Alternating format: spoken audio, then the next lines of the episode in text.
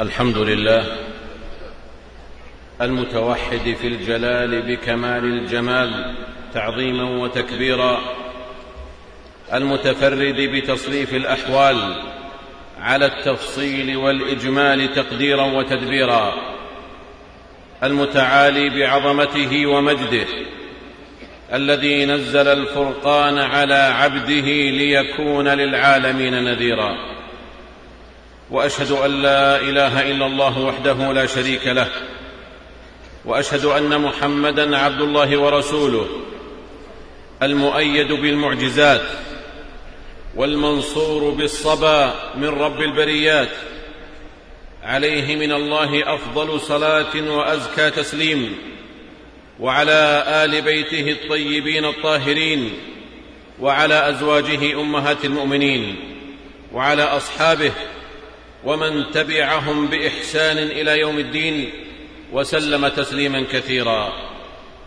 أما بعد فاتقوا الله عباد الله واعلموا أن أحسن الحديث كلام الله وخير الهدي هدي محمد صلى الله عليه وسلم وشر الأمور محدثاتها وكل محدثة بدعة وكل بدعة ضلالة وعليكم بجماعة المسلمين فإن يد الله على الجماعة. ومن يشاقق الرسول من بعد ما تبين له الهدى ويتبع غير سبيل المؤمنين نوله ما تولى ونصله جهنم وساءت مصيرا. أيها الناس آية من آيات الله في هذا الكون العظيم. تتوقف عليها الحياة في جسم الإنسان الحي.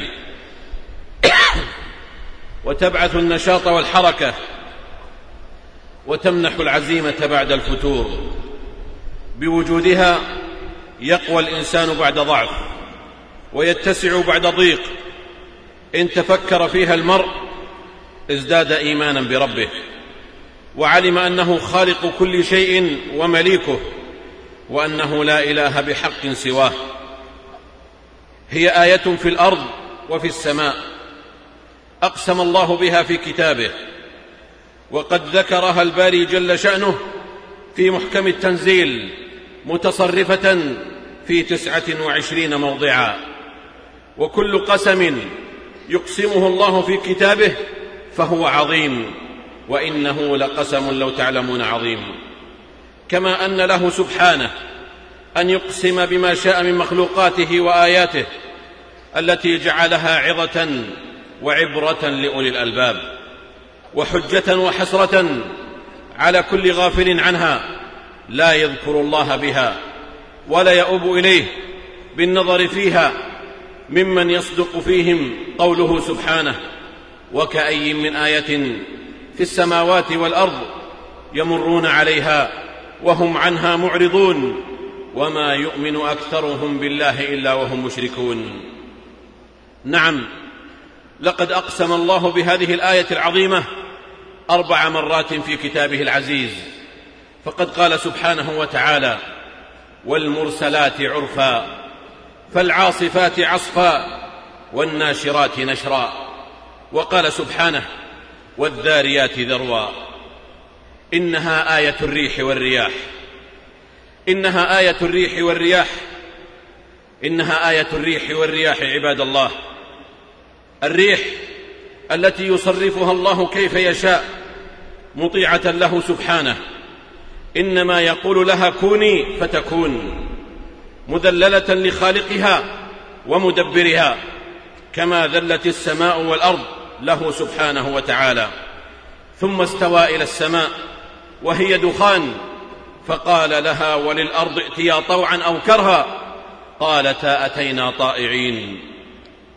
وقد جعل الله سبحانه تصريف الرياح من الآيات لقوم يعقلون.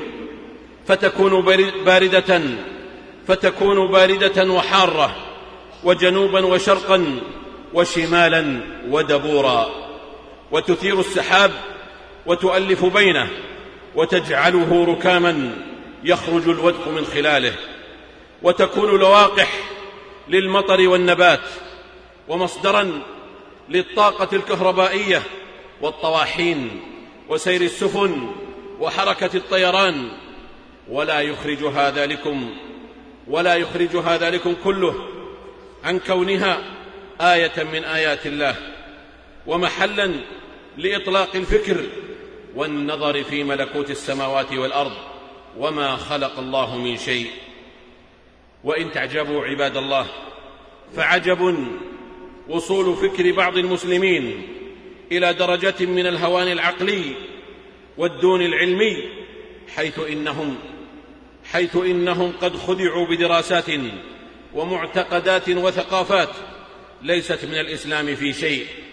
تجعل النظرة إلى الظواهر الكونية والكوارث المشاهدة نظرة مادية بحتة من جهة مصدرها وسببها ومن جهة التعامل معها. في زمن يدرك فيه بعض من ينسبون إلى غير الإسلام في دراساتهم واكتشافاتهم لأحوال تلك الظواهر أن الأمر ليس موكلا إلى الطبيعة. أن الأمر ليس موكلا إلى الطبيعة لا ابتداء ولا انتهاء. وأن هذه الرياح لها حكمة وحكيم مدبر لها حكمة وحكيم مدبر يعلم وهم لا يعلمون. وربما ازداد عجبهم بل وربما أسلم بعضهم حينما يعلم أن الإسلام قد أصل هذا الجانب وأن الرياح خلق من مخلوقات الله العجيبة في كونه العظيم.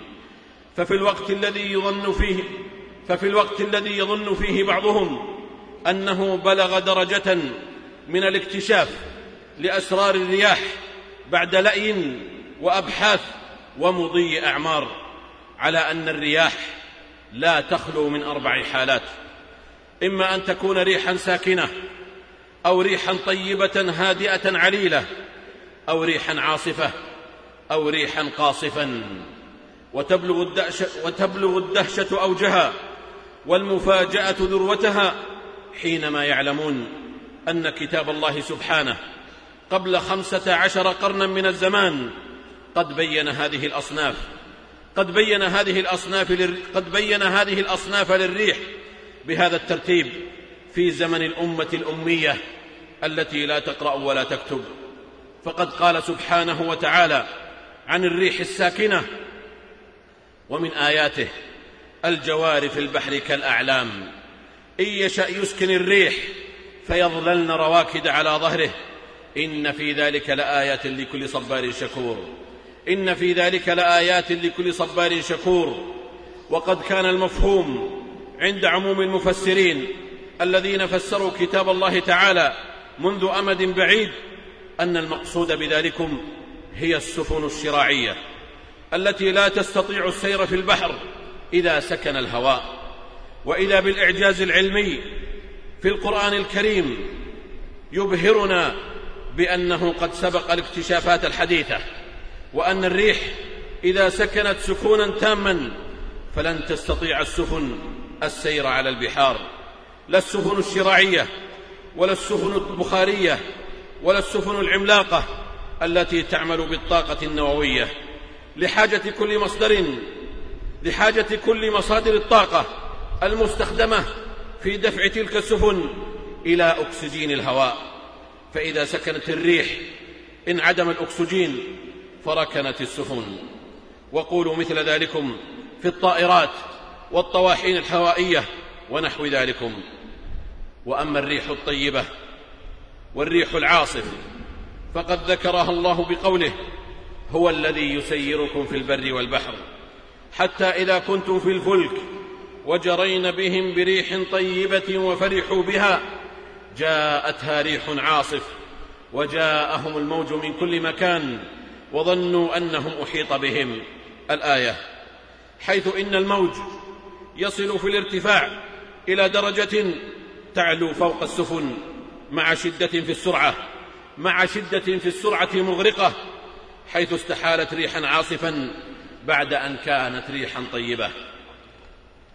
وأما الريح القاصف فهي التي تسمى الإعصار وهي التي تكون بشكل عمودي إلى السماء وتجعل أمواج البحر شاهقة تدمر السفن وتغرق بسببها. وقد يكون الإعصار فيه نار وقد يكون بلا نار وهو الأكثر. ومن الاكتشافات الحديثة عند رواد الأبحاث الجيولوجية والجغرافية أن الإعصار الذي فيه نار إنما يكون إنما يكون ويتولد من حرائق الغابات الكثيفة. ومن المعلوم بداهة أن القرآن أنزل على أمة يغلب عليها الوضع الصحراوي وتفتقد فيه الغابات. ومع ذلك قال الله سبحانه وتعالى في زمنهم أيود أحدكم أن تكون له جنة من نخيل وأعناب تجري من تحتها الأنهار له فيها من كل الثمرات وأصابه الكبر وله ذرية ضعفاء فأصابها إعصار فأصابها إعصار فيه نار فاحترقت. كذلك يبين الله لكم الآيات لعلكم تتفكرون. فها هو كتاب الله. قد سبقهم بخمسة عشر قرنا من الزمان. دينا حقا قيما هو صبغة الله. ومن أحسن من الله صبغة. ونحن له عابدون. وبعد يا رعاكم الله فإن الريح جند من جنود الله تكون رأفة لعباده المؤمنين وبشرى وبشرا بين يدي رحمته تقل سحابا ثقالا فيسوقه الله فيسوقه الله إلى بلد ميت ليسقيه مما خلق أنعاما وأناسيا كثيرا. وتكون نعمة لعباد الله المؤمنين وهي من جنود رب العالمين سبحانه حين يرسلها على عدوهم ومن بغى عليهم. فقد صح عن النبي صلى الله عليه وسلم أنه قال نصرت بالصبا رواه مسلم. والصبا هي الريح الشرقية. لم يحس جند الله في ملكوته غير العليم القاهر التواب قد أنجز النصر العظيم لعبده بجنوده كالريح في الأحزاب. وقد تكون الريح نقمة وعذابا يرسله الله على من يشاء من عباده وهو الحكيم العليم. فقد أهلك عادا بالدبور العقيم الصرصر. وأما عاد فأهلكوا بريح صرصر عاتية. وأهلك بها الأحزاب. الذين تآمروا على النبي صلى الله عليه وسلم وأصحابه فقال الله عنهم يا أيها الذين آمنوا اذكروا نعمة الله عليكم إذ جاءتكم جنود فأرسلنا عليهم ريحا وجنودا لم تروها وكان الله بما تعملون بصيرا. والريح أيضا من دلائل نبوته صلى الله عليه وسلم. فقد قال جابر رضي الله عنه قدم رسول الله صلى الله عليه وسلم من سفر. فلما كان قرب المدينة هاجت ريح شديدة تكاد تدفن الراكب. فقال رسول الله صلى الله عليه وسلم بعثت هذه الريح لموت منافق. فلما قدم المدينة فإذا منافق عظيم من المنافقين قد مات. رواه مسلم في صحيحه. ألا فاتقوا الله عباد الله. وتأملوا في منة الله على عباده بالريح الطيبة والرياح حيث يقول سبحانه ومن آياته أن يرسل الرياح مبشرات وليذيقكم من رحمته ولتجري الفلك بأمره ولتبتغوا من فضله ولعلكم تشكرون. قال بعض السلف أن يرسل الرياح مبشرات فتفرح النفوس بالرياح وليذيقكم من رحمته أي بالمطر الذي تحمله الرياح ولتجري الفلك بأمره أي الفلك التي تحركها الرياح ولتبتغوا من فضله أي بتجارة البحار التي تحرك الرياح بواخرها. ولعلكم تشكرون أي تشكرون الله على نعمة الرياح وهو الذي يرسل الرياح بشرا بين يدي رحمته حتى إذا أقلت سحابا ثقالا سقناه لبلد ميت فأنزلنا به الماء فأخرجنا به من كل الثمرات. كذلك, كذلك نخرج الموتى لعلكم تذكرون. بارك الله لي ولكم في القرآن العظيم ونفعني وإياكم بما فيه من الآيات والذكر الحكيم. قد قلت ما قلت إن كان صوابا فمن الله وإن كان خطا فمن نفسي والشيطان. وأستغفر الله إنه كان غفارا.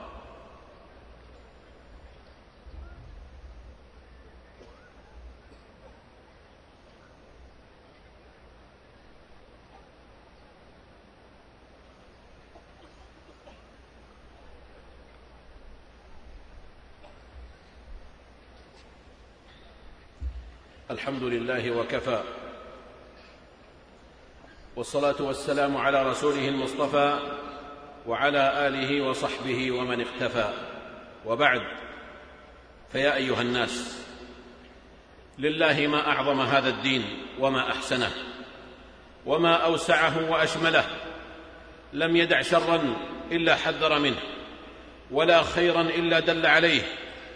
قال أبو ذر رضي الله عنه لقد توفي رسول الله صلى الله عليه وسلم وما طائر يقلب جناحيه في السماء إلا ذكر لنا منه علما رواه أحمد وابن حبان. وقد قال بعض المشركين لسلمان رضي الله عنه قد علمكم نبيكم كل شيء حتى الخراءة فقال أجل لقد نهانا أن نستقبل القبلة لغائط أو بول. الحديث رواه مسلم في صحيحه. وقد جاء في شريعتنا الغراء ما هو محل التوجيه والإرشاد إلى كيفية التعامل مع الريح والرياح. فقد صح أن النبي صلى الله عليه وسلم إذا عصفت الريح يقول اللهم إني أسألك خيرها وخير ما فيها وخير ما أرسلت به وأعوذ بك من شرها وشر ما فيها وشر ما أرسلت به. رواه مسلم. وقد نهانا صلوات الله وسلامه عليه عن سب الريح بأي نوع من أنواع السب أو الذم بل إنه صلى الله عليه وسلم إذا كان يوم الريح والغيم عرف ذلك في وجهه وأقبل وأدبر فإذا مطرت سر به وذهب عنه ذلك. قالت عائشة رضي الله عنها قالت عائشة رضي الله عنها فسألته فقال إني خشيت أن يكون عذابا سلط على أمتي. رواه مسلم. وكان من هديه صلى الله عليه وسلم أن مناديه ينادي في الليلة المطيرة أو الليلة البارده أو الليلة الباردة ذات الريح صلوا في رحالكم. وقد ذكر أهل العلم جواز الجمع بين الصلاتين في الريح الشديدة الباردة ونهوا عن التبول عكس الريح حتى لا يقع عليه شيء من النجاسة. هذا هو ديننا وهذه هي شرعتنا. ربكم الذي يزجي لكم الفلك ربكم الذي يزجي لكم الفلك في البحر لتبتغوا من فضله إنه كان بكم رحيما. وإذا مسكم الضر في البحر ضل من تدعون إلا إياه فلما نجاكم إلى البر أعرضتم وكان الإنسان كفورا.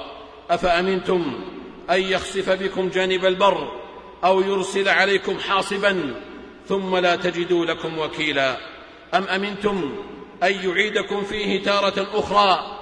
فيرسل عليكم قاصفا من الريح فيرسل عليكم قاصفا من الريح فيغرقكم بما كفرتم ثم لا تجدوا لكم علينا به تبيعا. هذا وصلوا رحمكم الله على خير البرية وأزكى البشرية محمد بن عبد الله. صاحب الحوض والشفاعة فقد أمركم الله بأمر بدأ فيه بنفسه وثنى بملائكته المسبحة بقدسه وايه بكم أيها المؤمنون فقال جل وعلا يا أيها الذين آمنوا صلوا عليه وسلموا تسليما. اللهم صل وسلم وزد وبارك على عبدك ورسولك محمد وارض اللهم عن خلفائه الأربعة أبي بكر وعمر وعثمان وعلي وعن سائر صحابة نبيك محمد صلى الله عليه وسلم. وعن التابعين ومن تبعهم بإحسان إلى يوم الدين وعنا معهم بعفوك وجودك وكرمك يا أرحم الراحمين. اللهم أعز الإسلام والمسلمين. اللهم أعز الإسلام والمسلمين. اللهم أعز الإسلام والمسلمين. واخذل الشرك والمشركين. اللهم انصر دينك وكتابك وسنة نبيك وعبادك المؤمنين. اللهم فرج هم المهمومين من المسلمين. ونفس كرب المكروبين. واقض الدين عن المدينين واشف مرضانا ومرضى المسلمين برحمتك يا أرحم الراحمين. اللهم انصر إخواننا المستضعفين في دينهم في سائر الأوطان. اللهم انصر إخواننا المستضعفين في دينهم في سائر الأوطان. اللهم انصر إخواننا المسلمين في بورما. وانصر إخواننا المسلمين في سوريا. اللهم انصرهم على من بغى عليهم وطغى. يا ذا الجلال والإكرام. اللهم اجعل شأن عدوهم في سفال وأمره في وبال واجعلها عليه سنين كسنين. يوسف يا ذا الجلال والإكرام اللهم آمنا في أوطاننا وأصلح أئمتنا وولاة أمورنا واجعل ولايتنا في من خافك واتقاك واتبع رضاك يا رب العالمين. اللهم وفق ولي أمرنا لما تحبه وترضاه من الأقوال والأعمال يا حي يا قيوم. اللهم أصلح له بطانته يا ذا الجلال والإكرام. اللهم أنت الله لا إله إلا أنت. أنت الغني ونحن الفقراء. أنزل علينا الغيث ولا تجعلنا من القانطين. اللهم أنزل علينا الغيث ولا تجعلنا من القانطين. اللهم أنزل علينا الغيث ولا تجعلنا من القانطين. اللهم لا تحرمنا خير ما عندك بشر ما عندنا. اللهم إنا خلق من خلقك. فلا تمنع عنا بذنوبنا فضلك. يا ذا الجلال والإكرام. يا رب العالمين. ربنا آتنا في الدنيا حسنة وفي الآخرة حسنة وقنا عذاب النار. سبحان ربنا رب العزة عما يصفون وسلام على المرسلين وآخر دعوانا أن الحمد لله رب العالمين.